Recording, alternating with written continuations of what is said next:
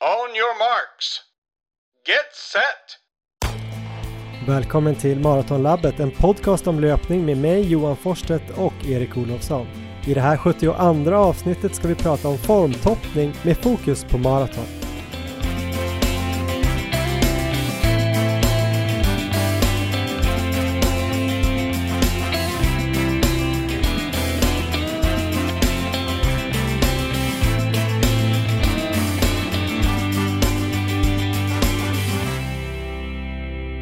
Ja, då vill vi önska alla varmt välkomna till avsnitt 72 av Maratonlabbet. Vi kommer den här veckan igen, helt fantastiskt. Erik Olofsson, du är med på satellitlänk från en avlägsen ö i Medelhavet. Hur är läget?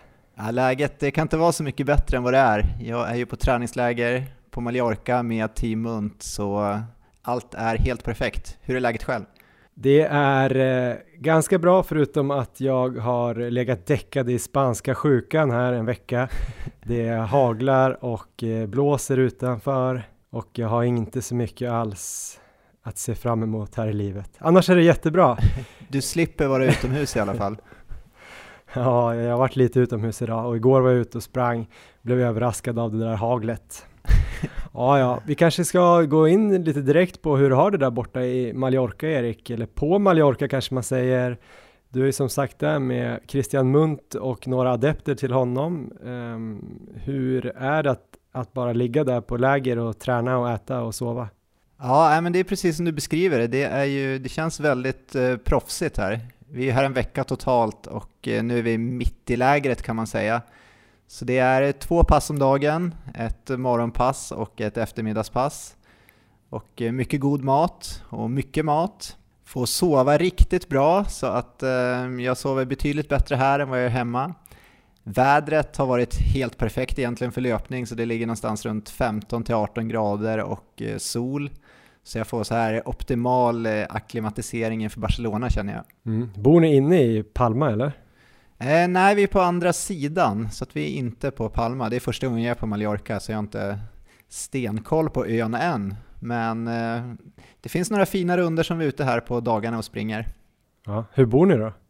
Vi bor i ett hus som ligger där vid vattnet. Eh, jag delar rum med eh, en kille som heter Anders Österlund, duktig löpare som alla andra här. Han har sprungit 2.25 på maran. Eh, sen är det ytterligare sex av eh, Christians adepter med. Vi har Martin Öhman här som ju är svensk mästare på maraton från 2017. Carolina Wikström, behöver kanske ingen närmare presentation. Vi har haft med henne i podden förut och mm, sprang ju här Barcelona halvmaraton för en eh, dryg vecka sedan på 1.11.42.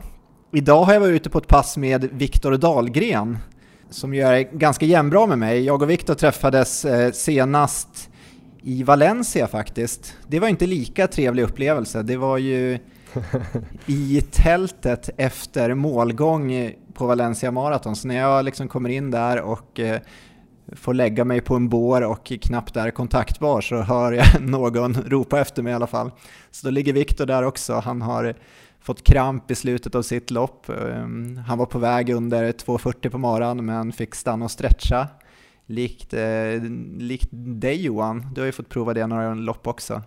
vet jag ingenting om. Men eh, så han låg och pratade lite med mig där och jag svarade med så här tumme upp eller tumme ned. Det var ganska mycket tumme ned för att jag, jag kunde inte prata och jag, ja, det kändes inte så bra. Men eh, idag hade vi en mycket trevligare upplevelse tillsammans när vi körde en 70 minuter distans Känslan var riktigt bra där. Viktor skriver ju också en eh, blogg som heter Låga trösklar och högt laktat som jag kan rekommendera varmt. Jag skulle säga att det kanske är Sveriges bästa löparblogg. Så lite som, eh, väldigt nördig, lite som Maratonlabbet fast i skrift och eh, kanske lite mer resultatinriktad. Så den rekommenderar jag. Just det, Viktor var en av de första lyssnarna som vi träffade tror jag ute på tävlingar 2018 där. Han eh, smög upp eh, till mig utanför Östermalms IP inför Stockholm Marathon 2018, den här jättevarma maran. Just det. Jag tror att han sprang eh, ganska bra där, men alla sprang ju lite sämre än vanligt eftersom det var så varmt. Men eh, väldigt trevlig ung man eh, i sina bästa år. Ungefär som du Erik, springer ja. ni något annat än distans där borta och käkar mat och har det trevligt? Springer ni något hårt också? Ja, men vi hade ett eh bra pass här eh, dag två, där jag sprang eh, 30 km progressivt. Då hade jag trevligt sällskap av eh, Fanny Kjolstad som också är duktig på maraton, har sprungit 2.45 här i Frankfurt förra året. Så vi körde tillsammans, vi hade Christian med delvis under passet på cykel och avslutade då i sista fem kilometerna så avslutade vi i marafart. Och det kändes väl ganska bra just till jag kom fram till den där marafarten, men sen kom jag upp eh, en del i puls där då, så jag fick jobba lite på slutet i alla fall. Men det var, det är väl det hårdaste passet jag har kört än så länge. Vad tänkte jag på, hur känns det då att lämna över träningsplaneringen till någon annan? Nu lägger ju Christian din träning hela den här veckan, annars brukar ju du göra det själv. Ja, men det känns väldigt bra just nu i den här formtoppningsfasen som vi på, på ett sätt är inne i och börjar komma in i. För att det här är den delen jag känner att jag kanske har misslyckats mest med tidigare. Så det känns tryggt att lägga det här i Christians händer nu och jag har pratat och diskuterat mycket med honom och eh, han har väldigt, eh, väldigt bra idéer tycker jag om allting så att det, det känns helt rätt dels att vara här liksom på lägret eh, under den här perioden och att eh, han styr min träning, det känns, eh, känns tryggt. Kan det till och med vara skönt att slippa tänka på vad man ska göra utan bara kolla på en lapp på morgonen och sen bara göra det helt enkelt? Ja, på ett sätt är det ju det, det måste jag säga. Han sätter ju upp passen kvällen innan så då kan vi liksom se vad som händer nästa dag och förbereda, förbereda oss mentalt. Sen så måste jag säga att jag tycker också det är ganska roligt att läsa på och eh, planera pass och sånt där, så att eh, den delen gillar jag. Det är många som kanske inte gör det utan tycker det är bara liksom positivt att, eh, att få passen tilldelade. Jag har väl lite blandade känslor, jag tycker det är roligt att styra själv också lite grann, men det känns väldigt bra just nu i alla fall och inför Barcelona att ha det här upplägget. Väldigt kul att höra att det känns väldigt bra Erik för dig och att det känns bra inför Barcelona. Själv har jag ju testat eh, motsatsen, att eh, må riktigt dåligt inför mitt, eh, mitt första stora mål som ju kommer på lördag, alltså imorgon när det här släpps. Eh, jag ska springa veteran-SM på 1500 meter, under 4.30 är det sagt. Eh, I förra avsnittet så sa jag att jag kände mig lite märklig i början. Eh, och då menar jag inte så märklig som att jag är konstig, utan märklig i kroppen. Det var någonting fel. Jag hade varit ute och sprungit, men det hade inte känts jättebra. Eh, jag insjuknade ju då strax därefter. Jag klippte förra avsnittet i någon form av Ja, jag, någon matthet. Jag var nog helt borta. Eh, ja. Spanska sjukan tror vi att det är, eller tyfus. Eh, jag var i alla fall sjuk torsdag, fredag, lördag, ganska, men inte så här du vet totalsänkt, utan bara så här så att jag går runt och är lite ont i huvudet, dålig i magen. Jag vill inte gå in på detaljer om det, så sluta tjata nu Erik, jag kommer inte berätta någonting om det. Jag vet att du vill veta, men du får inte. Sen eh, också lite så här eh, yrsel, typ det känns som jag har feber, men jag har aldrig feber. Eh, men jag har inte kunnat träna någonting egentligen eh, bra sen förra avsnittet. Jag kom igång med 5 kilometer i söndags, sprang 8 kilometer plus styrketräning i måndags. Då hade jag precis tittat in på vårdcentralen också. Ja. Och eh, blev nästan medryckt in där av en läkare som inte hade något att göra. Jag vet inte, jag trodde inte det var så på vårdcentraler. Jag trodde det var alltid att man fick sitta och vänta flera timmar. Kan det vara en sån här oro nu för coronavirus, att du åkt på det? ja, de såg att jag hade corona i ögonen. Nej, jag vet inte. Nej, han trodde väl att det var någon typ av maginfluensa, men jag fick göra blodprov här igår i alla fall. Så jag väntar väl på att de ska ringa och säga något tråkigt besked här idag. Om de inte ringer idag, Aha. då skulle de bara skicka hem resultaten och då skulle det alltså vara ganska grönt ljus att jag inte var jättesjuk i alla fall. Nämnde du att du har ett viktigt lopp på lördag där du ska gå för medalj? Ja, så om, eh, så om det är något, ring inte, skicka bara brevet så att det kommer på måndag. Jag vill inte veta någonting. Just så tänkte jag. Ja. Nej, men jag har känt mig väldigt svag, som en skadeskjuten fågel med riktigt så här smala, spinkiga lår känner jag mig. Jag var ute och sprang igår också och försökte köra lite fartökningar i en backe, men äh, det, jag kom inte ens upp i race pace, det går inte. Men eh, vi hoppas på ett smärre mirakel. Jag har väl tänkt lite eh, att försöka sätta det här lite i perspektiv i alla fall. Så jag vet inte, ehm, vad tycker du när man är sjuk? Hur ska man tänka egentligen? Ehm, jag tycker man ska ju vara ganska försiktig. Har man såklart feber och sådär så ska man ju hålla sig borta från all träning. Ehm, du verkade ju väldigt sugen på att sticka ut och ge dig ut på pass där. Hårda pass också precis när det här kom, så att jag försökte ju hålla tillbaka dig lite där. Jag tror nog, jag försöker ju verkligen undvika att springa om jag känner någon sjukdom alls nästan. Jag kan känna så här lite när man har blivit nedkyld och fått den typen av eh, kanske förkylning som jag fick ungefär efter Lidingöloppet när jag stod och hejade på dig i flera timmar efter mitt lopp. För då vart jag lite så här, jag fick lite känning i halsen och var lite snuvig. Då kan man ju tycka att det är okej okay, kanske att ge sig ut och eh, springa lätt, men annars så skulle jag nog vara väldigt försiktig. Mm.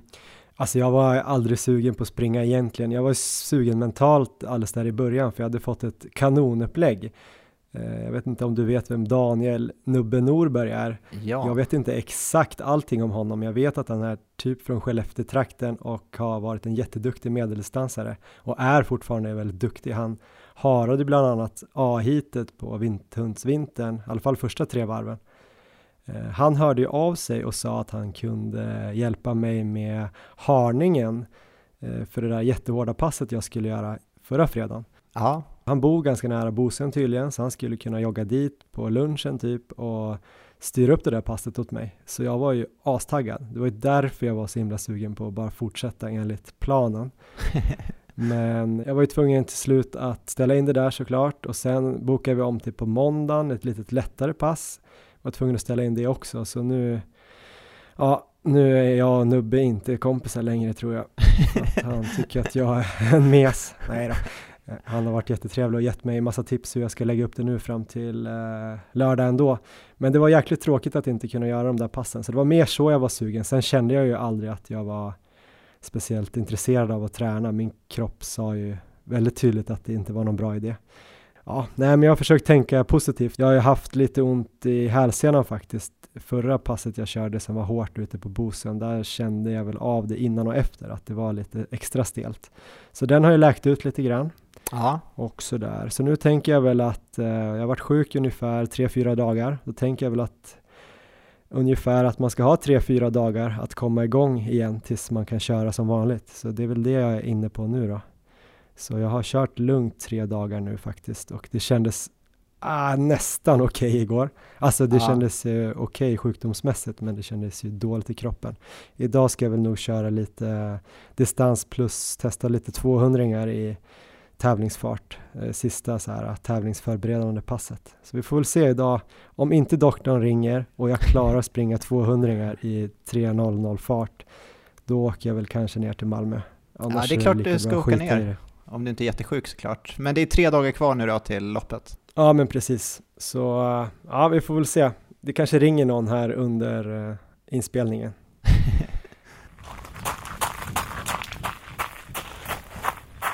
Jag har inte haft en perfekt formtoppning då, men vi ska snacka lite mer om formtoppning och hur man får det. Bland annat kommer ju då Christian Munt, eh, Carolina Wikström och eh, Martin Öhman komma till tals och vi kommer väl snacka lite grann också.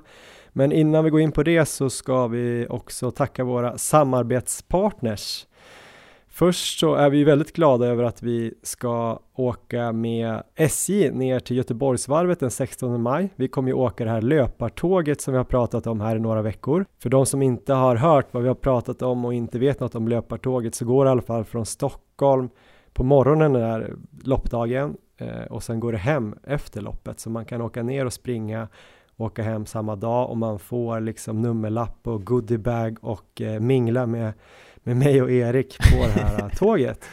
Eh, nu är det också klart med en rabattkod till alla lyssnare och eh, våra följare här på Instagram. Då är det alltså en kod, nu kan ni pausa här och gå och hämta papper och penna eller ta upp eh, notes på mobilen. Koden är maratonlabbet varvet 20. Det är alltså en rabatt på 400 spänn på det här paketet då med tåg plus startplats. Så det är faktiskt 100 spänn eh, rabatt på själva startplatsen och 300 på tågresan. Så totalt blir det här då 1390 kronor istället för 1790 kronor. Jag tycker det låter superbilligt för att åka från Stockholm till Göteborg, springa kanske världens största halvmaraton som ja. ska vara asrolig att springa och sen åka hem igen. Och dessutom om man bokar med, det här, med den här koden så får man ju sitta i första klass i Maratonlabs-vagnen. Sådär ja. Eh, och träffa dig jättemycket ja. hela den här dagen. Jag tycker det låter som ett pangpris. Får jag också sitta där? Du får sitta i den här uh, djurvagnen. Men jag och alla andra som bokar ja. med den här kommer sitta i Maratonlabbets första klassvagn. Ja. Så vi får verkligen hoppas att det är många som anmäler sig här nu då, så att inte jag och Erik får sitta och skämmas själv. så Maratonlabbet streck varvet 20. Det blir toppen. En annan samarbetspartner som vi har är ju Löplabbet dit man går om man vill köpa skor eller andra löprelaterade produkter. Man kan också springa dit. Eh, det gjorde jag här förra veckan innan jag blev sjuk för att jag skulle hämta ett par skor. Ehm, konstig runda blev det, men eh, det gick jättebra.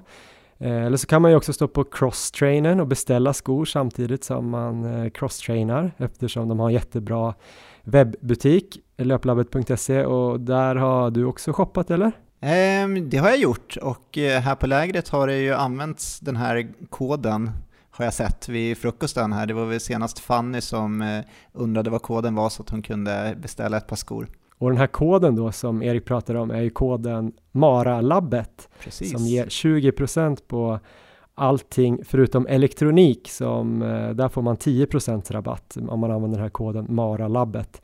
Det är väldigt schysst tycker vi mot eh, lyssnarna här eh, och eh, man kan ju bli väldigt snabb eh, av att använda den här koden. Till exempel så vill jag bara tipsa här om att eh, Niklas Mylfalk som vi har jag vet inte om vi har skämtat om honom riktigt utan han blev ju överkörd av en eh, radiostyrd bil i Berlin ja. 2018 var det va, när han var i sitt livsform och skulle springa sub 3. Sen har inte han riktigt, riktigt kommit tillbaka faktiskt. Han har inte gjort sub 3 förrän i söndags. Det här är en riktig solskenshistoria. Han springer alltså Sevilla Marathon på 2.59.31 i splitter nya Vaporfly Next Percent. Han skickade till oss på onsdagen. Tack grabbar för rabatten. Han hade då varit inne och köpt eh, den här färgen som är lite så här grön, rosa. Det är lite flera färger. Jäkligt snygg tycker jag. Emma gillar den inte, men jag gillar den. Ja. Och Niklas Mylfark gillar den. Han springer alltså fyra sekunder bättre än mitt eh, PB faktiskt på maraton från Frankfurt. Så jag är både glad och lite irriterad.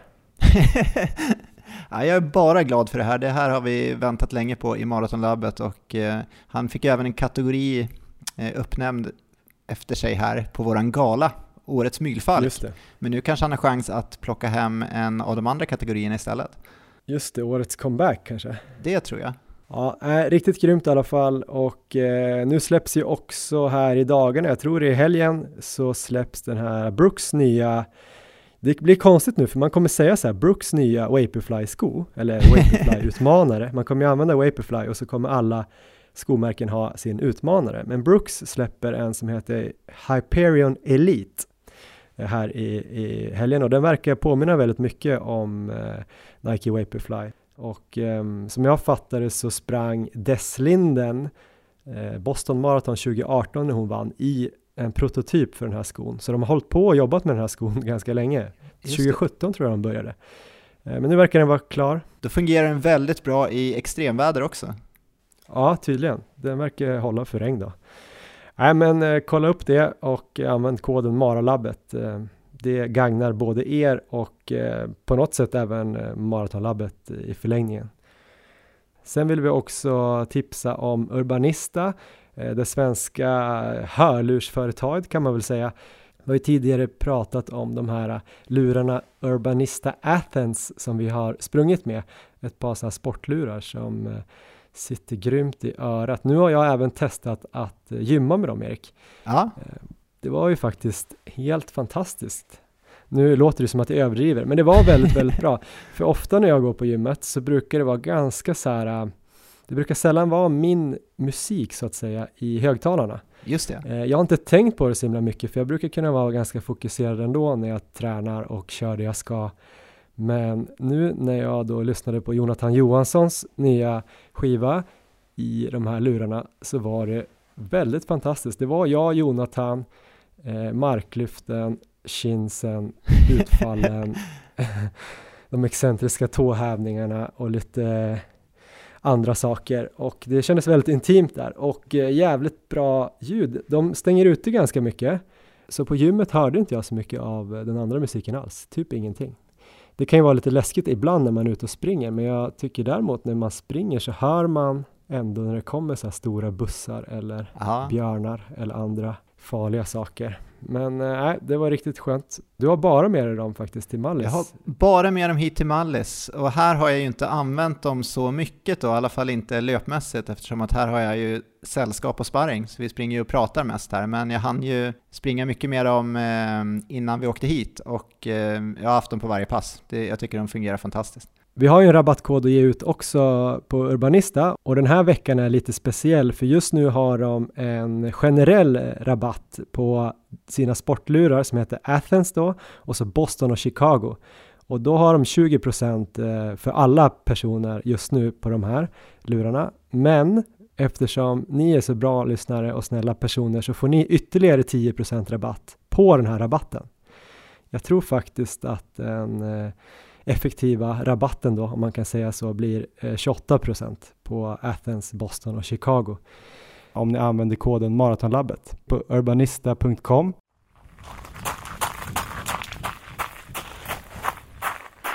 Ja men nu Erik är det äntligen dags att dyka ner här i veckans ämne som är formtoppning och framförallt då för maraton. Eh, du har gjort lite intervjuer där nere på lägret som ska bli väldigt kul att lyssna på. Väldigt kul att du har gjort intervjuerna också här eh, i det 72 avsnittet av podden.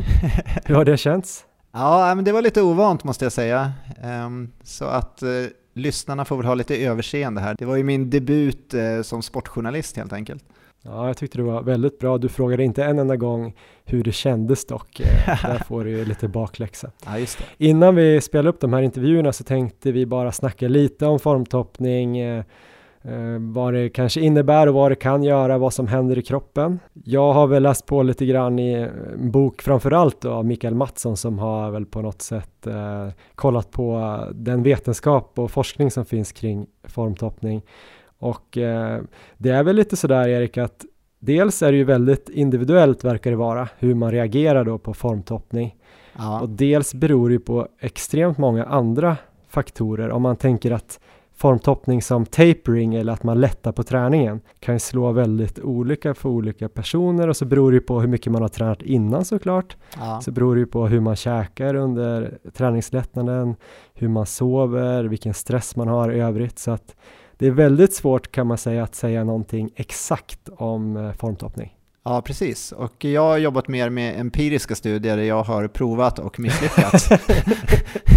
Vilket ju också har varit intressant. Så där, där har jag mycket att eh, bidra med idag. Men det man i alla fall verkar kunna säga om formtoppning, som man har sett då i studier på elitidrottare inom olika konditionsidrotter, det är ju att en bra formtoppning kan ge mellan 1 till 5 procent eh, ökad prestationsförmåga vilket ju är väldigt mycket om man tänker 5% på en maraton.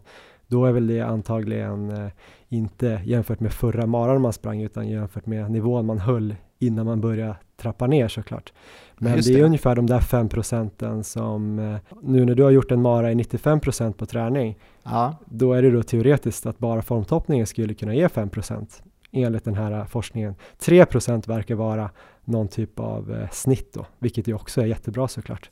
Ja. Ehm, och eh, man har sett att det funkar med ganska mycket olika alltså perioder av träningslättnad. Man har sett att både allt från 4 till 21 dagar kan ge bra effekt, även fyra veckor i vissa fall.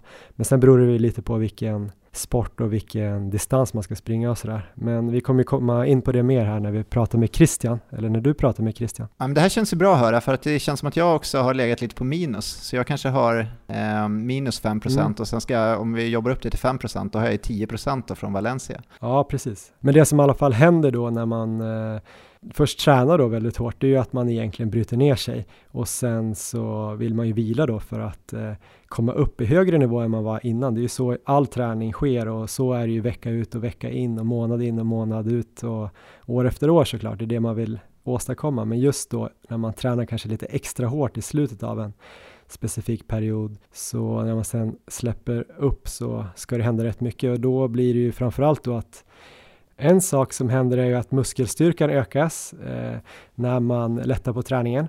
Det gör ju att man får mycket bättre arbetsekonomi på maraton till exempel. Eh, sen även händer det saker med det hormonella systemet, alltså man kanske får ökad mängd av testosteron och eh, lägre mängder av kortisol då, som är ett stresshormon. Eh, immunförsvaret brukar också få en chans att återställa sig. Och sen är väl också inte alls att förringa den här mentala effekten, att man blir mycket piggare och gladare förhoppningsvis och mer taggad för att tävla. Och allt det här händer ju samtidigt då som att man tränar tillräckligt hårt för att eh, upprätthålla den här eh, nivån eller effekten på konditionsträningen man har kommit upp till. Så man behöver ju träna mindre för att bibehålla till exempel VO2 max än vad man behöver träna för att höja den.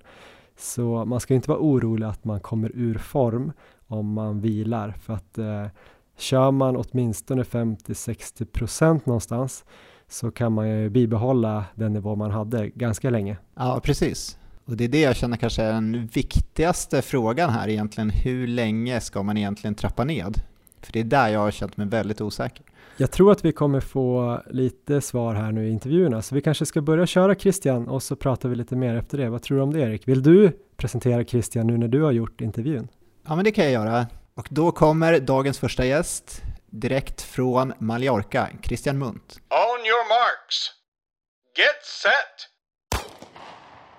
Då har vi med oss Christian Munt här och eh, du Christian hade ju med många adepter här i Barcelona halvmaraton som sprang riktigt bra. Hur tycker du året har börjat för Team Munt? Över förväntan eh, gick det i Barcelona tycker jag. Carolina som står ut lite extra med sina Fyra vart det brutto.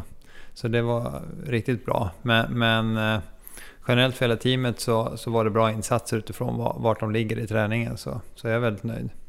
Ja, och eh, formtoppningen verkar ha fungerat och det är just det vi pratar om här idag i podden. Ehm, och framförallt då formtoppning inför maraton. Något jag har misslyckats med vid ett flertal tillfällen här.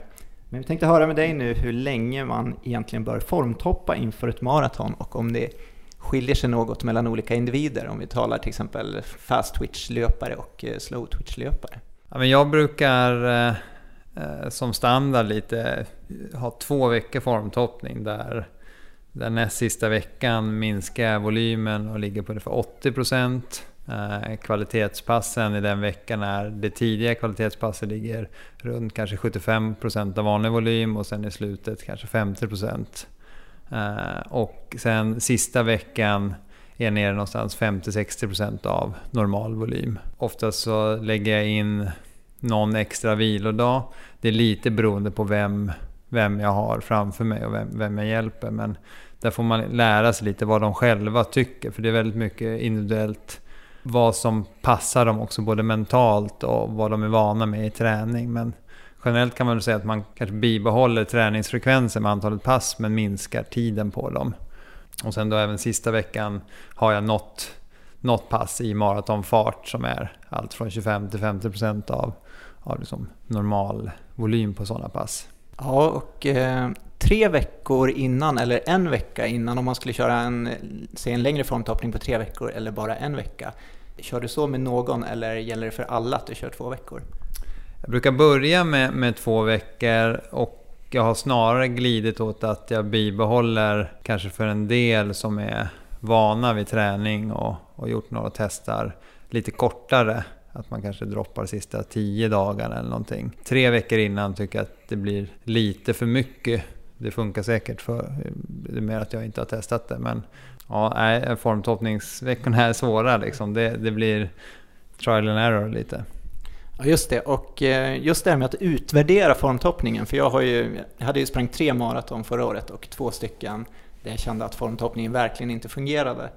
Hur tycker du att man kan utvärdera så här när man känner att det inte riktigt har gått som man har tänkt sig? Vilka variabler kan vara bra att tänka på till nästa gång? Ja, men först och främst får man titta vad har man gjort i träningen. Dels sista två veckorna men också har det hänt någonting innan? Alltså har det varit sjukdomar eller skavanker, skador som gjort att du fått vila mer. Men annars, har allt gått bra så får man ju utvärdera just de, de sista en, två, tre veckorna och se hur gjorde jag träningen då? Hur, om man kanske skriver, om man får någon träningsdagbok där man skriver någon, någon liksom kommentar eller betygsätter utifrån någon subjektiv känsla hur det har gått. Eh, jag har även satt de jag tränar får notera hur mycket de sover per dygn så att jag får en, en, en, kontroll där också. Och sen så får man ju utifrån det också diskutera som, som tränare med, med de aktiva hur det känns och vad de själva, hur de själva upplever det för att liksom få, få mer info eh, hur vi kan göra. Så det, det är väl där och så får man liksom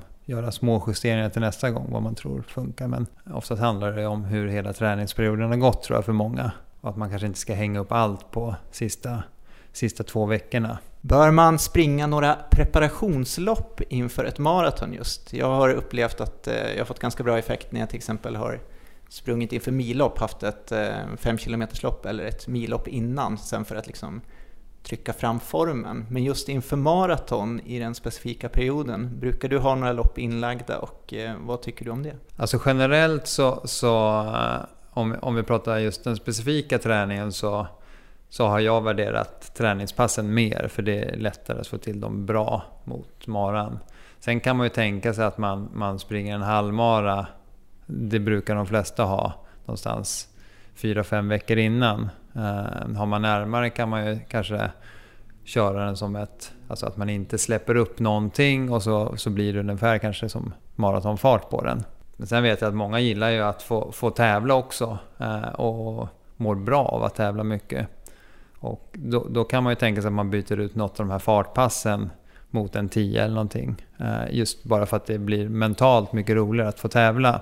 Men, men annars så så tycker jag de pass som verkligen räknas tycker jag att det nästan görs bäst i träning faktiskt. Ja, men då ska vi slutligen här försöka lista ut hur jag nu ska göra med knappt tre veckor kvar till Barcelona Marathon där jag siktar då på att eh, springa under 2.39 och eh, du har ju lagt upp min träning här i veckan nu Christian och fått kolla lite på mina kvalitetspass de senaste veckorna och sådär. Hur eh, tycker du det ser ut nu inför? Har jag någon chans att springa under 2.39? Börja revidera mitt mål eller vad tycker du? Eh, nej men utifrån den info jag fått av den träning du har gjort så tycker jag att de passen är ju väldigt bra. Man ser att du har liksom uthålligheten för att klara distansen. Du klarar att springa uppåt 40 km i ganska höga farter. Du har även gjort några pass i maratonfarter, lite alternerande. Ehm, så att jag tycker att det ser ut att vara ganska stora möjligheter för dig att klara 2.39. Den här veckan nu när jag, när jag får möjlighet att styra din träning så gör jag en liten twist som, på grejer som du inte har gjort lika mycket av. Inte rik, lika överlånga pass så att vi, liksom, så att vi inte liksom bränner det här på slutet men ändå underhåller med träning och farter kring din tävlingsfart. Så att, ja, men jag, jag tror att det, det kan gå bra.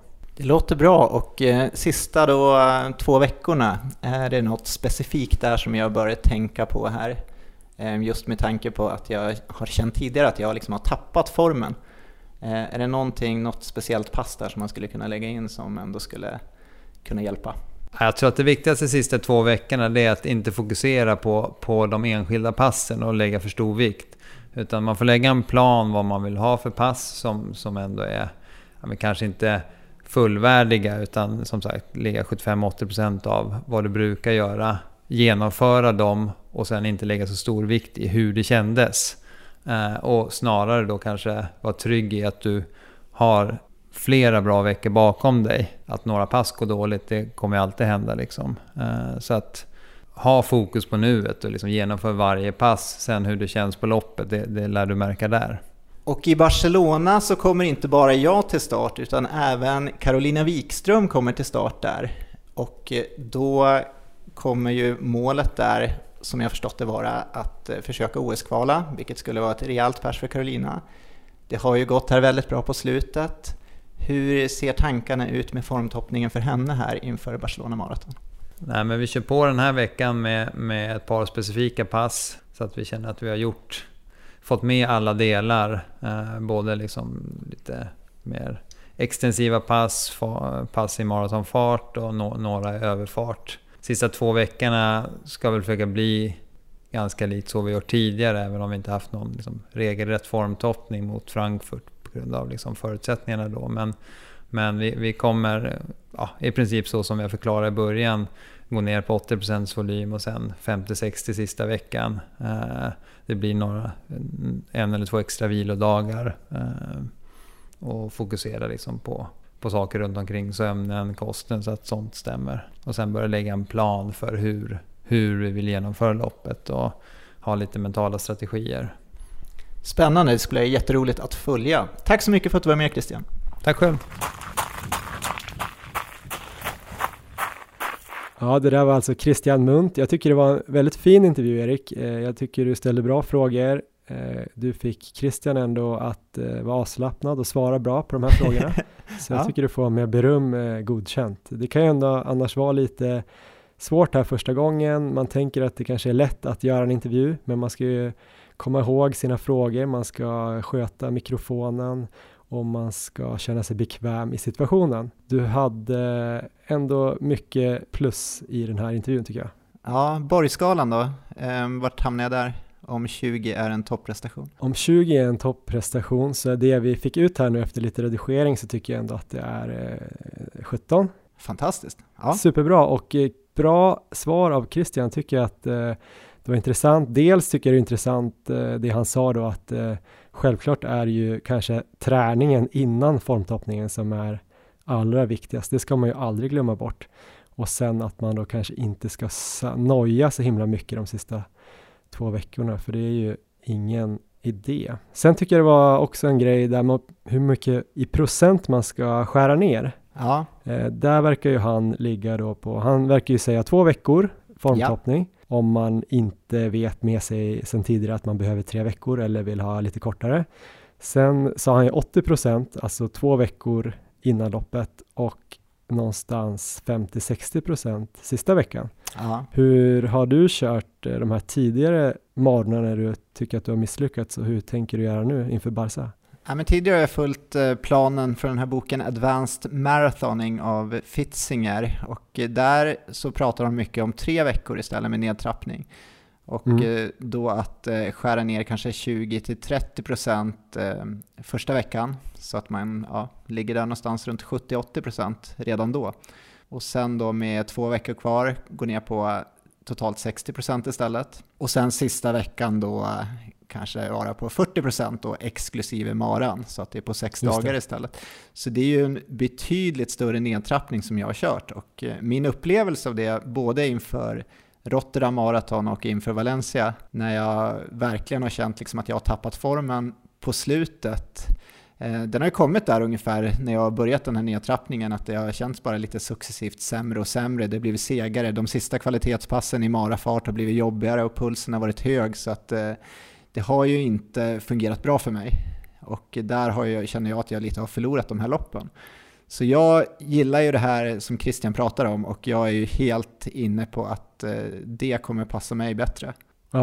Ja, men det är väldigt spännande just det där med tre veckor. Jag tror att jag också gjorde lite nedtrappning tre veckor innan eh, Frankfurt Marathon eh, när vi skulle springa under tre timmar där. Jag var ju sjukt eh, nedtränad då i alla fall utifrån min nivå med eh, dels livet i övrigt, eh, barn som var en månad gammal och hårdare träning än vad jag någonsin hade gjort och sådär. Ja. Så jag kanske behövde tre veckor. Jag kände att jag precis återhämtade mig.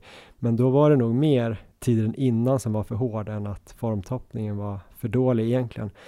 Jag tycker också att, eh, jag tror nog också att två veckor är bra. Sen eh, 80-60 då, alltså 80 procent första veckan och sen 60 procent sista veckan inför loppet. Eh, där tror jag man kan laborera lite såklart, men man kan ju absolut testa där. Jag läste i den här uh, boken med Mikael Mattsson där, han, eller där skrev han att eh, totalt att 50 procent på de här två veckorna man lättade på skulle Aha. man ha. Så han sa 60 procent första veckan och 40 procent sista veckan.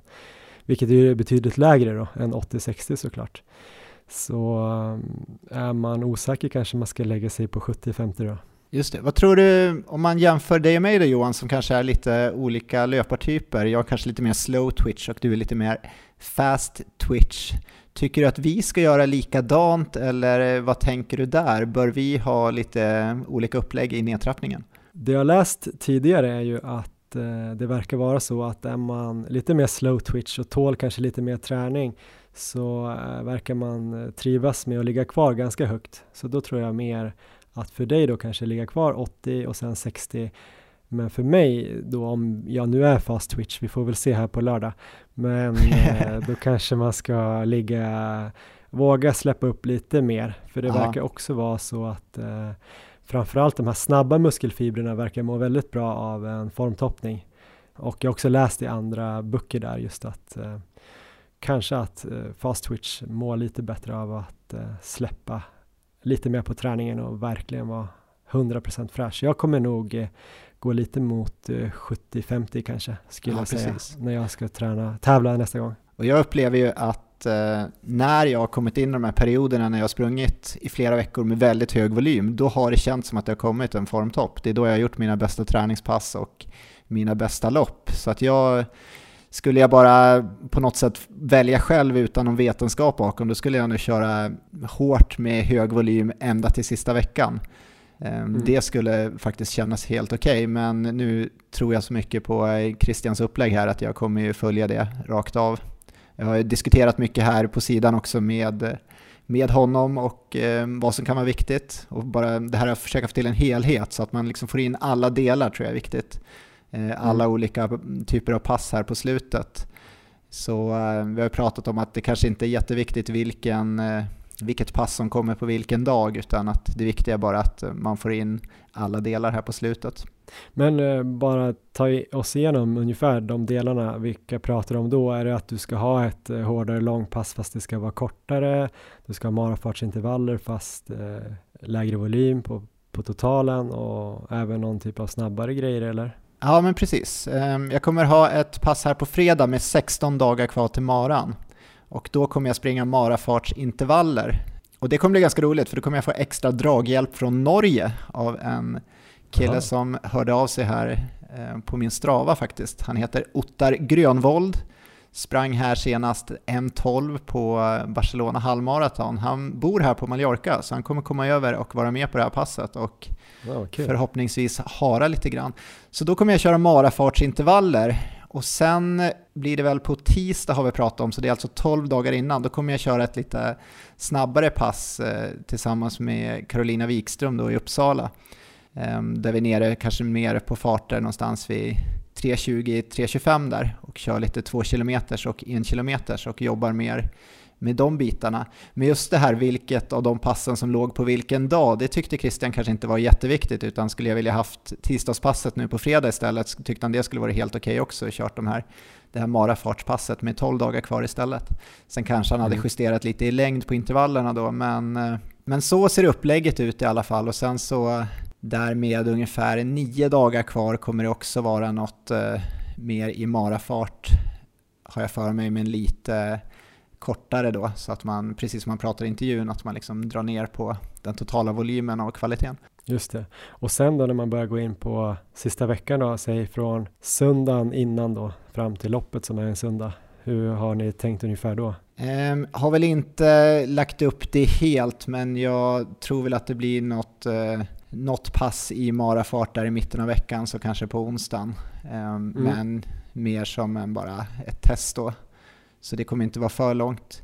Men jag känner ju nu att det här passet jag kommer ha på fredag med 16 dagar kvar till loppet, det kommer för mig mentalt bli jätteviktigt. För det är just här jag har känt att eh, formen liksom har försvunnit både inför Valencia och Rotterdam. Så att jag känner att jag vill verkligen sätta det passet. Jag vill verkligen att eh, pulsen inte ska vara för hög. Och eh, det har jag sagt till Christian också, så att han, eh, han försöker liksom tona ner förväntningarna där och säger att det, ja, att det är egentligen bara ett pass och att det inte är så viktigt och att om jag liksom känner så starkt att jag verkligen vill göra det så kanske jag inte ens borde springa på det sättet då. Men jag får försöka hålla, ja, hoppas han inte lyssnar på det här och sen kör jag det passet och jag kommer, jag kommer verkligen ha stora förväntningar på att det känns bra på det passet. Det tror jag kommer göra väldigt gott. Vi får verkligen hoppas att den här norrmannen kommer ner och levererar i harningen här. Ja, han hade ju varit uppe här faktiskt eh, innan Barcelona halvmaraton i fem veckor uppe i Iten i Kenya eh, tillsammans Mm. med, vilka tror du då? Christian och eh, Nordstad, Moen kanske? Ja, precis. Så att eh, det blir spännande att höra lite mer om det och eh, ja, har han sprungit med de killarna så får vi väl gissa att han har ganska bra fartkänsla. Ja, det låter väldigt bra och eh, något som man kanske då kan förtydliga som vi har indirekt sagt här, både du har sagt det nu och eh, Christian sa det egentligen i intervjun, men utan att säga det exakt så är det ju att hålla kvar frekvensen då, träna ungefär lika många gånger som man brukar göra, även när man går ner och även lika hårt som man brukar göra. Eh, det är ju en klassisk grej, det kan man väl säga är vedertaget som det bör ju alla göra. Man ska inte bara plocka bort hälften av passen utan man ska ju bara plocka bort hälften av passens längd så att säga. Precis. Eh, ska vi köra de här andra intervjuerna du har gjort nu och prata det sista efter det? I sådana fall tycker jag att vi drar igång eh, intervju med Carolina Wikström och eh, Martin Öhman. On your marks. Get set. Då har jag med mig Carolina Wikström som sprang fantastiskt bra här för en dryg vecka sedan i Barcelona. Då var det halvmaraton det gällde och eh, du kom i mål på 1.11.42. Berätta lite hur du upplevde det loppet. Eh, ja, det var ju eh, en dröm för mig att klara den tiden. Ehm, och jag var inte säker på att jag skulle göra det. Så att jag gick ut i den farten och Eh, ja, upplevde det som väldigt kul när jag märkte att den höll hela vägen. Så att, eh, nej, det, var, det var ett väldigt positivt lopp. Eh, ganska sammanbiten i början men sen märkte jag i mitten att jag skulle fixa det. Hur har kroppen känts nu efteråt? Eh, jag hade ganska mycket träningsverk första tre dagarna men eh, nu körde jag ett kvalitetspass igår en vecka efteråt och det kändes eh, helt återhämtat. Så att nu känner jag mig bra igen. Just det, och idag har ju vi kört två stycken pass här. Jag tror Christian eh, satte ihop oss här på distanspassen för att jag skulle hålla nere distansfarten lite grann. Eh, det gick sådär, men det var jätteroligt i alla fall. Eh, jag var så peppad så jag sprang på lite för snabbt. Men idag pratar vi formtoppning och eh, uppenbarligen har ju formtoppningen fungerat väldigt bra för dig på slutet eh, kan man gissa. Det var ju dels i Frankfurt som du sprang väldigt bra på maraton i slutet av förra året. Och nu i Barcelona då på halvmaraton så gick det också väldigt bra. Hur känner du själv att formtoppningen har fungerat i de här två loppen? I Frankfurt var det ganska speciellt för att då kom jag precis igång med träningen eh, veckorna innan. Eh, jag hade väl en sju veckor när jag ändå kunde köra som jag ville. Ehm, så att det är svårt att säga hur jag formtoppade då. Ehm, jag drog väl ner sista tio dagarna tror jag. Körde väl inget hårt eh, långpass veckan innan men annars var det nog framförallt samma vecka som jag drog ner i allt. Eh, och nu i Barcelona så eh, var det väl samma där, framförallt sista tio dagarna. Eh, hade fortfarande ganska många pass men väldigt mycket lugnare och kortare pass. Och eh, det tycker jag funkar bra och jag tycker om att ha en, en vilodag där jag inte gör någonting alls också, bara för det mentala också. När brukar den vilodagen ligga ungefär? Uh, ungefär tre dagar innan brukar jag ha den. Och sen så två dagar med kanske 30 minuter jogg eller något sånt. Och dagen innan har det varit uh, ungefär samma pass inför både Frankfurt och uh, Barcelona? Ja, det brukar jag köra 30 minuter jogg och någon, någon fartstegring. Ja, om vi då tar så här, känslan på de sista kvalitetspassen inför, inför loppet. Har du känt att de har känts lika bra som du sen har gjort på loppet eller har du haft någon sån här liten dipp kanske när du har funderat på om formen verkligen finns där? Det, det sista passet brukar jag alltid ha, ja, få lite ja, men tankar på om det kommer funka att hålla, för då brukar det vara den farten jag ska köra på halvmaran eller maran. Eh, och det är ofta ganska korta också, till exempel inför Frankfurt körde jag tre gånger tre kilometer och då, då känns det ändå ganska orimligt att jag skulle hålla det tempot. Det var samma nu inför halvmaran också, körde jag ganska lugnt pass på onsdagen tror jag. Och ja, men då kände jag också så här, nej men nu har jag tappat allt. men det är nog mest hjärnspöken tror jag. Slutligen, gjorde ni någonting annorlunda under de sista veckorna när det kommer till lite andra saker som återhämtning och sömn och kost och sådana bitar? Hade du något speciellt så här sömnschema som du gick, för, gick efter? Ja, just sömnen försökte jag fokusera mer på. Eh, jag försökte få in minst åtta timmar och sista dagarna nio timmar och eh, tio timmar.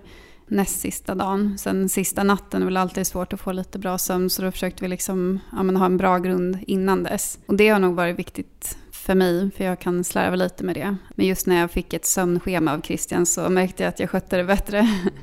så det är nog det jag har jobbat mest med. Och sen lite mentala strategier inför loppet. Vad är det för mentala strategier då vi pratar om? Eh, jag brukar fundera på liksom eller dela in loppet i delar och vad jag ska fokusera i varje del, vad jag ska göra om det känns jobbigt. Eh, sen har jag gjort en lista, både inför Frankfurt och nu, på allt som kan gå fel. Eh, och vad jag ska göra då. typ, tappar jag skon? Hur ska jag tänka?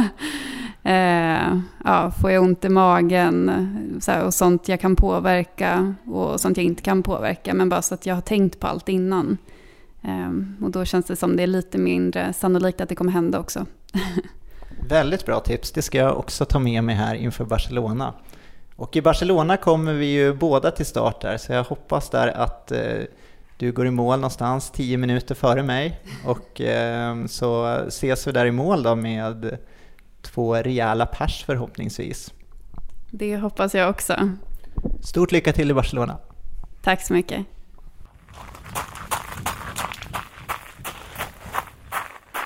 Ja, då är vi på dag tre av lägret i Mallorca och jag sitter här med Martin Öhman, den svenska mästaren i maraton från 2017 när han eh, spurtade om eh, Musse utanför stadion. Eh, samma Musse som sprang riktigt bra igår. Och igår sprang även Martin bra för då var han ute med bland annat Carolina Wikström på ett långpass. Berätta lite om det passet Martin och hur kroppen känns nu efter det. Ehm, ja, vi hade 34 kilometer totalt. Ehm, 10 kilometer 3.55, sen 3.45, 3.40 tror jag var planen och sen så sista lite snabbare runt 3.25. Så det kändes eh, bra. Det var väldigt fina förhållanden här och svalt och skönt. Just det, och de sista fyra när ni skulle gå upp i det här snabbare tempot, då drog Carolina på ganska hårt som jag förstått det. Ja, ja precis. Jag var lite orolig där ett tag när jag helt plötsligt var ner mot tre blankt och tänkte att det här kommer bli tufft. Men sen så lugnade hon sig lite så det var, jag kunde hänga med i alla fall.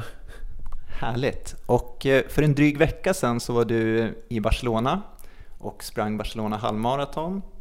Och där sprang du in på 68.33. Berätta lite om det loppet och hur det kändes. Eh, jo, det var ett jättefint lopp. Eh, och otroligt mycket löpare runt min kaliber och sådär. Så att eh, det var en fin, fin resa. Sen var det väl inte riktigt vad jag hoppades på. Jag ville springa någon halv minut snabbare och sådär. Men eh, kroppen kändes ändå okej okay, så att jag får vara hyfsat nöjd. Var det ett eh, ganska jämnt lopp eller kände du på slutet att du började tappa lite? Ja, jag tappade väl den där halvminuten sista milen. Jag låg ungefär som jag hade tänkt fram till 10-15 någonstans. Ehm, så vart det, det var lite motvind på slutet och vart alla lite oense. Så här. Ingen ville köra på riktigt. Så då tappade hela gruppen farten. Just det. Och eh, idag så pratar vi formtoppning inför maraton här i Maratonlabbet. Och två gånger som du verkligen har lyckats med formtoppningen är ju dels 2017 när du Ehm, blev svensk mästare i Stockholm och även 2018 när du tog ditt pers i Sevilla som lyder 2.21 och 31. Hur har formtoppningen sett ut inför dessa lopp? Ja, vi har väl ungefär haft samma plan inför alla de här och det är väl eh, egentligen att eh, hålla i med maratonfartspassen. Låta dem bli kortare och kortare de sista, sista två veckorna. Och sen eh, ja, skära ner volymen ganska rejält också sista två veckorna. Sådär. Är det framförallt de sista två veckorna? Har det tredje veckan där inför maran fortfarande varit med hög volym och eh, ganska hårt? Ja, precis. Jag tror att det har varit ungefär normal, en, liksom en, eh, en stadig mängd fram tills tre veckor innan. Och sen så, ja, den, två veckor innan då så ändå ganska mycket, runt 75 procent sådär. Eh, och sen så sista veckan väldigt, väldigt lugnt. Har du haft några så här preparationslopp eh, i den där fasen eller har det mest varit eh, hårda marafartspass? jag har faktiskt inte tävlat någonting inför de, inför de där tävlingarna. Så jag tyckte det har funkat väldigt bra ändå. Speciellt maraton när, när man inte ska tävla i så himla hög fart så har inte jag känt att det har behövts. Det är lite värre om man ska tävla på 5-10 tycker jag. Då kan man behöva något för att väcka kroppen. Men det låter ju som att det har fungerat eh, ganska perfekt de här uppläggen och det har ju uppenbarligen gått väldigt bra. Är det någonting som ni har utvärderat som ni skulle göra annorlunda till en kommande mara? Eh, ja, alltså egentligen har väl de där uppbyggnaderna gått eh, så pass bra så att det inte haft någon anledning att ändra. Det är väl den sista, jag sprang i Stockholm förra året som inte gick som jag hade hoppats på.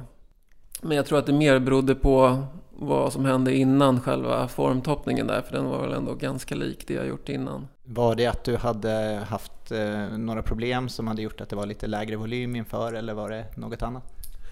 Ehm, jag var sjuk, men det var kanske två månader innan, någon dryg vecka. Fram tills dess hade det gått väldigt bra och jag tror egentligen inte att sjukdomen var någon fara i sig, men det var väl kanske mer att jag blev väldigt stressad och började köra lite för hårt. Ehm, så det var lite för många pass som var på rött där tror jag, istället för att spara det till själva loppet. Stort lycka till Martin och tack för att du var med. Tack så mycket.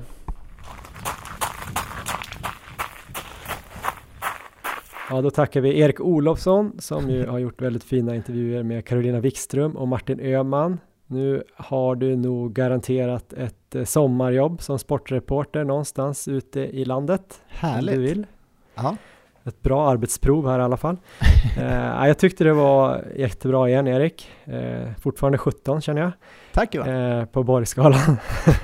eh, och så måste jag säga att Carolina har en väldigt eh, behaglig röst att lyssna på också. Jag hoppas ni där hemma uppfattar det också. Jag tror att hon skulle kunna läsa in sådana här typ eh, ja, men, mentala strategiböcker eller sådana här mindfulnessböcker. Hon har en klar och tydlig röst liksom som är den är mjuk men ändå ja, men tydlig.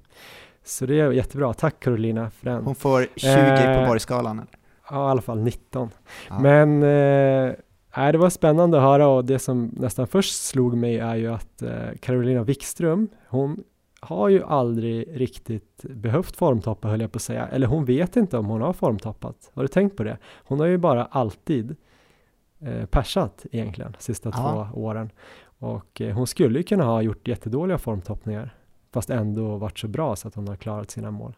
Så det ska bli spännande nu mot Barcelona för att hon sprang ju alltså då eh, sub 2.34 i Frankfurt utan riktigt bra uppladdning egentligen kan man väl säga. Nej, men jag har ju sprungit en hel del distans här eh, tillsammans med Carolina här på Mallorca och eh, hon verkar väldigt lugn och harmonisk och eh, upplägget känns ju ganska optimalt här. Det gick ju väldigt bra i Barcelona på halvmaran och eh, nej, men det känns som att eh, det känns som att det här målet som de har är ju det är väldigt tufft.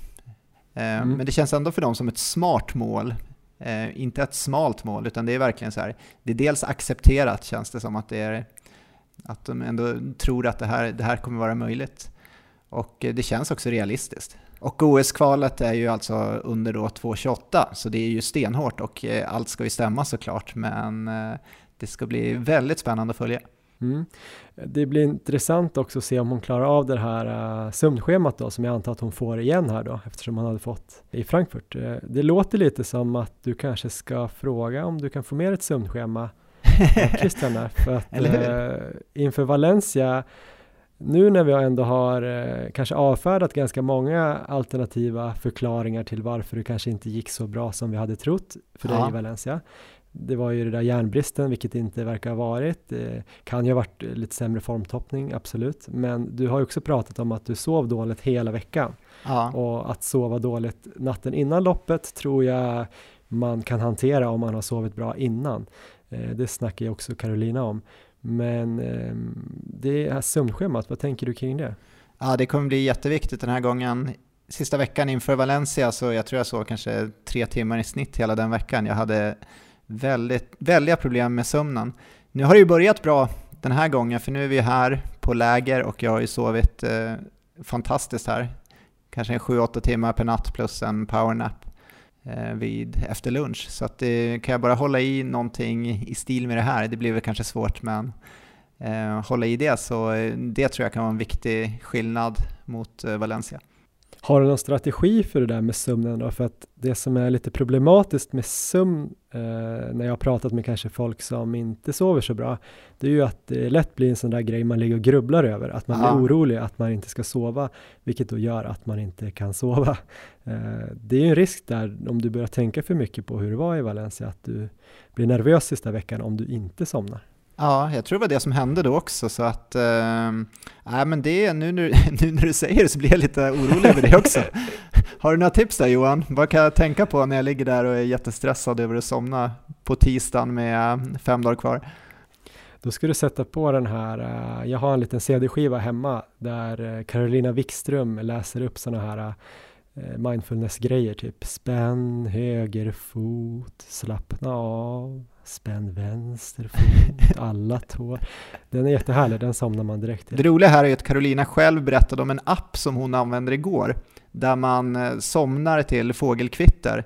Och sen Mhm. vaknar man upp till eh, betydligt högre fågelsång. Jag tror det var så i alla fall. Och igår när vi var ute och körde distans tillsammans så var det, ja, det var väldigt fint fågelkvitter i början av passet, men sen efter en tre kilometer så kändes det som att vi var jagade av någon stor uggla eller någonting. Det var verkligen så här att det blev högre och högre innan hon då till slut inser att den här, den här appen är igång. Så att vi har haft eh, fågelsång från hennes telefon hela vägen. Jaså? Ja, nej men faktiskt så det kan ju vara en, eh, ett tips faktiskt. Vi har någon sån app hemma som vi använder ibland när vi inte kan somna och jag brukar somna efter typ tre minuter. Alltså det är inte fågelkvitter utan en sån Ah. här som eh, typ mindfulness-app. Men annars är väl det också en av de här grejerna att man ska träna sista veckan typ varje dag eller kanske man har en vilodag om man vill ha det.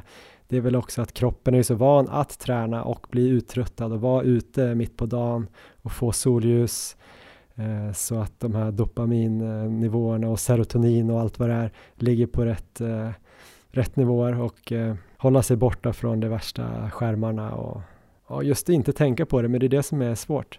Ja, Äh, vi får se hur det går Erik. ja men Christian får ge mig ett schema, det ska jag fråga efter. Ska vi ta några andra tips eh, generellt om formtoppning eh, eller ska vi också prata kanske lite om andra distanser? Vi har inte pratat så mycket annat än om maraton utan det vi har pratat om har ju just gällt för maraton. Men Ja, men det kan vi göra. Mm. Det man kanske ska säga lite om andra distanser då som eh, 10 kilometer eller halvmaraton, det är ju att eh, på sätt och vis så verkar ganska mycket av maratonformtoppningen ändå gälla, men sen behöver man kanske inte gå ner lika tidigt skulle jag säga. Jag vet inte vad du har för eh, upplevelser Erik? Ja, alltså något som jag tycker är väldigt intressant är med preparationslopp. När det kommer till kortare distanser då tror jag det kan hjälpa jättemycket. Till exempel som Mm. jag upplevde inför, inför när jag sprang eh, DM där förra året på 10 000 meter, att jag hade då ett 10 km lopp 10 dagar innan tror jag gjorde väldigt mycket för formen. Eh, Även halvmaran så tror jag det är bra med preparationslopp inför. Ehm, Så den delen tror jag är viktig, men sen så eh, jag skulle nog inte trappa ner speciellt mycket om jag bara hade ett millopp till exempel. Då skulle det möjligen bara vara lite sista veckan. Mm. Hur känner du själv? Ja, men jag är väl inne på samma sak såklart. En halvmara tror jag kommer börja trappa ner eh, lite, kanske tio dagar innan mer. Så ja, tio dagar innan kanske en halvmara och sen eh, någonstans en vecka innan ett millopp. Vet jag med mig att det verkligen är ett millopp jag satsar på 200 procent. Kanske att jag skulle kunna gå ner lite två veckor innan, men då skulle jag nog gå ner mycket mindre. Jag skulle aldrig gå ner så långt som till 70 procent eller någonting. Men däremot verkar det vara ganska lika tycker jag på alla distanser hur man tränar sista veckan. Att man, om man nu tävlar på lördag eller söndag, det är lite olika. Här verkar vi ha snackat om ett sista lite hårdare pass fyra dagar innan en maraton. Nästan på alla de här andra distanserna så verkar det vara tre dagar innan så är det många som rekommenderar att man ska köra ett sista hårt pass. Men då kommer ju det hårda passet kunna vara mycket hårdare än inför en mara. Även om det inte är full volym. Så som nu till exempel när jag ska springa 1500 här på lördag så har jag ändå fått tipset att eh, kunna köra ganska hårt pass eh, idag då, tre dagar innan. Men det är ju ingenting som kanske kommer eh, trycka kroppen full av mjölksyra men ändå vara uppe i kanske Andreas Almgren skickade här igår ett sms eh, där man, att man kunde köra 10 till 15 gånger 200 i Ja. tävlingsfart. det är ändå ett hyfsat rejält pass. Jag tror inte att jag kommer göra 15, max 8-10 skulle jag tro om jag känner mig pigg här i eftermiddag och inte doktorn ringer. Men även på kanske 10 kilometer att man kan köra ändå 4-5 gånger 1000 tre dagar innan och Ja. halvmaran tror jag också man kan eh, ligga på hyfsad eh, intensiteter och ändå köra igenom kroppen tre dagar innan. Och eh, sen kanske då fem dagar innan att man kan köra ett nästan ett normalt pass för 10k och halvmara. Verkligen. Och eh, sen så oavsett distans egentligen så tror jag det är superviktigt att man utvärderar och eh, antecknar ner om det nu är på Strava eller i en träningsdagbok eller vad det är. Så dels då sömnen men också känslan på passen kanske de sista två veckorna eller i alla fall sista veckan där. Jag, Mm. kommer, jag har ju definitivt gjort det nu eh, här på slutet och eh, jag kommer göra lite olika upplägg nu inför maran här i Barcelona och sen eh, den jag kommer springa i Stockholm. För inför Stockholm så kommer jag ju först eh, tre veckor innan är det väl springa 10 kilometer Kungsholmen runt och sen två veckor innan kommer jag köra Göteborgsvarvet. Och Just det. det. kommer ju bli ganska annorlunda upplägg mot eh, det jag har den här gången. Så får man jämföra sen vilket, som, eh, vilket av uppläggen som fungerar bäst. Det är klart att det kan skilja så här från gång till gång bara, att det är något annat som spökar, men eh, har man eh, sprungit ett antal marer sen till slut, då tror jag man kan se ganska, ganska tydliga signaler vad man svarar bäst på. Mm. Finns det några andra tips man kan tänka kring eh, tävlingsförberedande veckorna oavsett distans egentligen? Ja men absolut. Eh, Just det med att ha väldigt mycket stress på jobbet får man ju försöka undvika där så man inte har några viktiga deadlines eller något sånt där. Sen så jag kommer ju tänka mycket på att eh, tvätta händerna och kanske använda handsprit en hel del. Jag ska ju lämna och hämta på förskolan och det måste ju göras men eh, var väldigt noggrann då med att tvätta händerna efteråt kanske. Sen hoppas jag att det inte Mm. går till någon överdrift att jag blir besatt och får något vad, är det, vad är det för film med Leonardo DiCaprio va? Som man, Ja, just det. Är det den här The Aviator eller något sånt där? jag Man tror det. i ett rum eller? Hop, Ja. Hoppas det inte blir så. Men sen som vi har varit inne på, fokusera på sömnen, det, där har vi en riktigt stor nyckel. Och sen så har vi det här med expon också. Ehm, det är bara att fråga Niklas Mylfalk här då, som blev överkörd av en radiostyrd bil, att eh, det är inte helt ofarligt att vara där. Och det är kanske inte den största faran, utan det är väl mer att man spenderar mycket tid där, går runt, eh, mycket tid till fots och man kanske får för sig att man ska köpa någonting nytt där, kläder eller skor som man tror ska passa bra till loppet. Eh, undvik det, kör på det som man är van med så kommer man slippa några otrevliga överraskningar i form av skavsår och liknande. En annan klassiker är ju att man åker till någon trevlig stad och springer maraton, exempelvis Barcelona då kanske, och så lägger man hela lördagen på stan då, på La Rambla eller något, eller ja, där är det ju inte så trevligt, men längs stranden eller i Ja, någon annan eh, härligare stadsdel eh, och så är man ganska sliten dagen efter fast man bara tyckte att man gick runt lite, men man kan ju lätt gå en mil eller något om man går på stan, så det är väl en, en, ett klassiskt misstag. ja, så spara det till dagen efter där på något stela ben förhoppningsvis, men det går ändå att ta sig runt där i sakta fart. Och dagen innan då, istället för att vara ute på den där sightseeingen, så kan man ligga en stund och visualisera loppet, eh, se positiva saker där framför sig och kanske lägga upp lite sådana här mentala strategier för vad man ska göra vid olika scenarion. Jag tror jag framförallt det är bra att göra som Carolina, att man kanske förbereder de här lite mer negativa scenariosarna,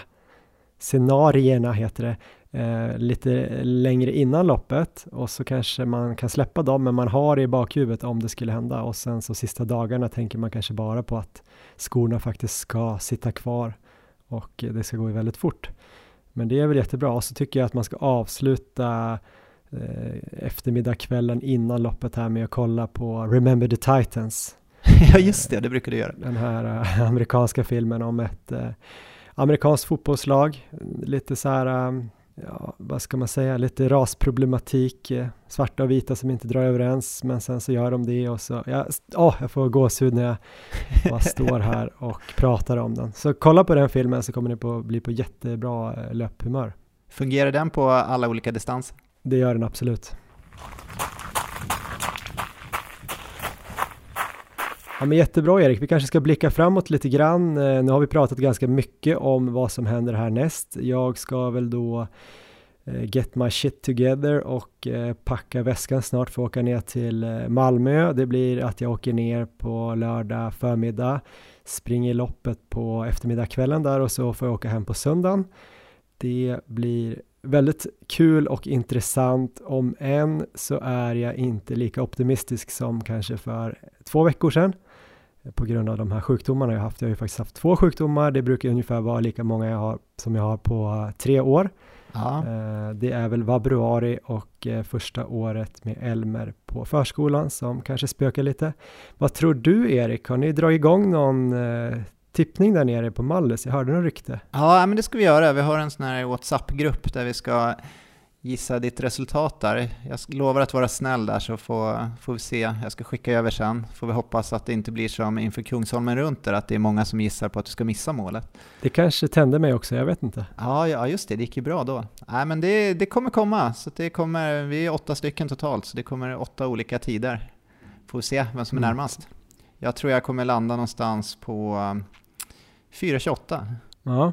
För ett tag sedan så trodde jag nog att 4.28 var möjligt. Nu har jag haft lite mörka tankar här på slutet. Eh, speciellt då mina eh, lår då har känts som att de har varit lika stora som mina handleder ungefär de sista eh, löpturerna. Och det känns som att man måste ha bra lår om man ska springa 1500 meter fort. Det blir jävligt spännande. Det kan lika gärna bli 4.40 nu känns det som. Men eh, jag kommer nog hinna ladda batterierna och komma in i race mode. Nu när loppet börjar närma sig och det är ju trots allt SM här och du har ju, skulle jag gissa på, ganska god medaljchans. Är det någon risk att det blir ett taktiskt lopp? Jag menar, du ska springa under din måltid här på 4.30. Vad händer då om eh, du känner att det börjar gå lite långsamt i början? Tar du täten då och håller ditt eh, snittfart eller kommer det kanske bli så att du går för medalj istället?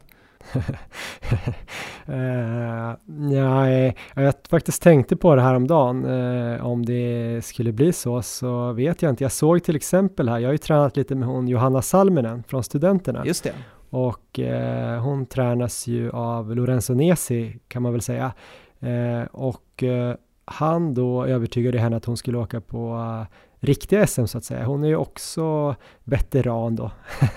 det låter så konstigt att säga veteraner när man är 38 och 40. Jag tror hon är 79 som du och Musse ja. och eh, Hanna Lindholm och de Men i alla fall, hon ställde då upp på 3000 på inomhus-SM och det blev ju ett riktigt sånt lusigt lopp. Hon Mengt Siab sprang ju det till exempel, så hon var ju stor favorit och det var ändå andra duktiga, Hanna Hermansson heter hon va? Ja. Sprang tror jag. Hon springer väl egentligen kortare distanser men hon var med. Eh, så man trodde ju att eh, de skulle kanske springa i alla fall eh, någonstans där runt nio blankt tänker jag. Men det där blev ju jättekonstigt lopp och jag såg till och med att Johanna Salminen ledde det där loppet några varv eller i alla fall på någon Insta-uppdatering jag såg. Sen så gick det ju fort på slutet, eh, några varv och eh, jag tror att det var de väntade som tog medaljerna ändå och Johanna tror jag sprang en bit över 10. Var ju en del sämre än Vinthundsvintern, men hon hade ju en jättefin placering, typ sexa tror jag. Ja. Så hon har ju blivit sexa på SM nu, vilket ju är sjukt bra. Så jag menar, om jag skulle kunna då genom att springa taktiskt kunna ta säkra en medalj ja. i, ett, i en löpgren i mitt liv, ja. vilket jag aldrig någonsin skulle kunna tänka mig att jag skulle kunna göra förut så kanske det är mer värt än de här 4.30. Samtidigt så har vi, är ju det vi har pratat om här i två månader. Så jag tror jag kommer göra mina 36 varv rakt av och de här två favoriterna då som jag ser eller en favorit framför allt och sen en kille till från Terrible Tuesday. Om de inte då skulle hänga med, att de tänker att de ska slåss om segern i slutändan och komma efter ett tag, då då får de väl ligga bakom mig ett tag då. Men eh, jag tror att jag måste göra ganska jämna 36 varv för att ha en chans. Kanske någon 37 i början. Ja, men jag tror nog att du ska gå ut i din planerade fart här så vi får med oss något smalt mål i år. Ja, ja, ja det vore trist om det bara blev 3000 meters målet som vi klarade av. Men nej, jag ska göra mitt bästa på lördag. Eh, jag får väl återkomma på Instagram där vi heter Maratonlabbet, hur det gick. Och där kommer man väl också kunna fortsätta följa dig och din formtoppning framöver. Absolut. Man kan ju också kolla på Strava då. eh, där vi heter Johan Forsstedt och Erik Olofsson. Man kan ju se lite hur vi lägger upp det, så får man väl se när det blir 2.37 38 för dig i Barcelona kan man ju bara gå in och kolla bakåt exakt hur du har tränat i din formtoppning. Så där kommer vi få facit. Absolut, och vi kommer även kanske få ett pass där då med Ottar Grönvold bland annat på fredag och se om han har skött sitt jobb som hare. Just det, det blir jättebra. Så ja, jag ska nog sticka ut och springa snart då om inte läkaren eh, ringde mig precis för jag hörde att det är pep här i min telefon. Sen så tänker jag väl bara, det är ju en himlans massa koder nu eh, för rabatter om man lyssnar på oss. Det är ju jättekul att man kan spara lite pengar Eh, bara genom att lyssna på en podd. Det är jätteschysst att ni får en gratis podd och får pengar typ. Eh, jag tänker bara dra igenom några av de koderna som finns nu och då är det ju då koden här för löpartåget som är då 400 kronor rabatt på tåg ner från Stockholm och sen själva loppet. Den, den koden är då maratonlabbet streck varvet 20. Sen finns det en kod då på Urbanista som är maratonlabbet, bara maratonlabbet. Sen finns det den här koden för löplabbet som är maralabbet och ger 20% på alla grejer förutom elektronik där det är 10%. Och sen har vi även den här koden för Stockholm Marathon som ger 100 kronor rabatt på anmälningen och där är det bara labbet som gäller i versaler. Är det någon mer kod jag har glömt nu Erik? Jag tror inte det, jag tror vi fick med allt. Ja, men med de eh, koderna så får vi väl avsluta det här eh, avsnittet Erik och vi kommer faktiskt tillbaks även nästa vecka igen. Så vi fortsätter med varje veckas utgivning. Det är väl kul Erik? Mycket roligt. Och nästa vecka kommer vi prata om skor. Alltså det kommer bli en stor guide om distansskor, vilka man ska välja. Eh, det kommer bli jätteintressant. Samarbete med Löplabbet såklart. Eh, ja, vi kommer gå igenom massvis av skor.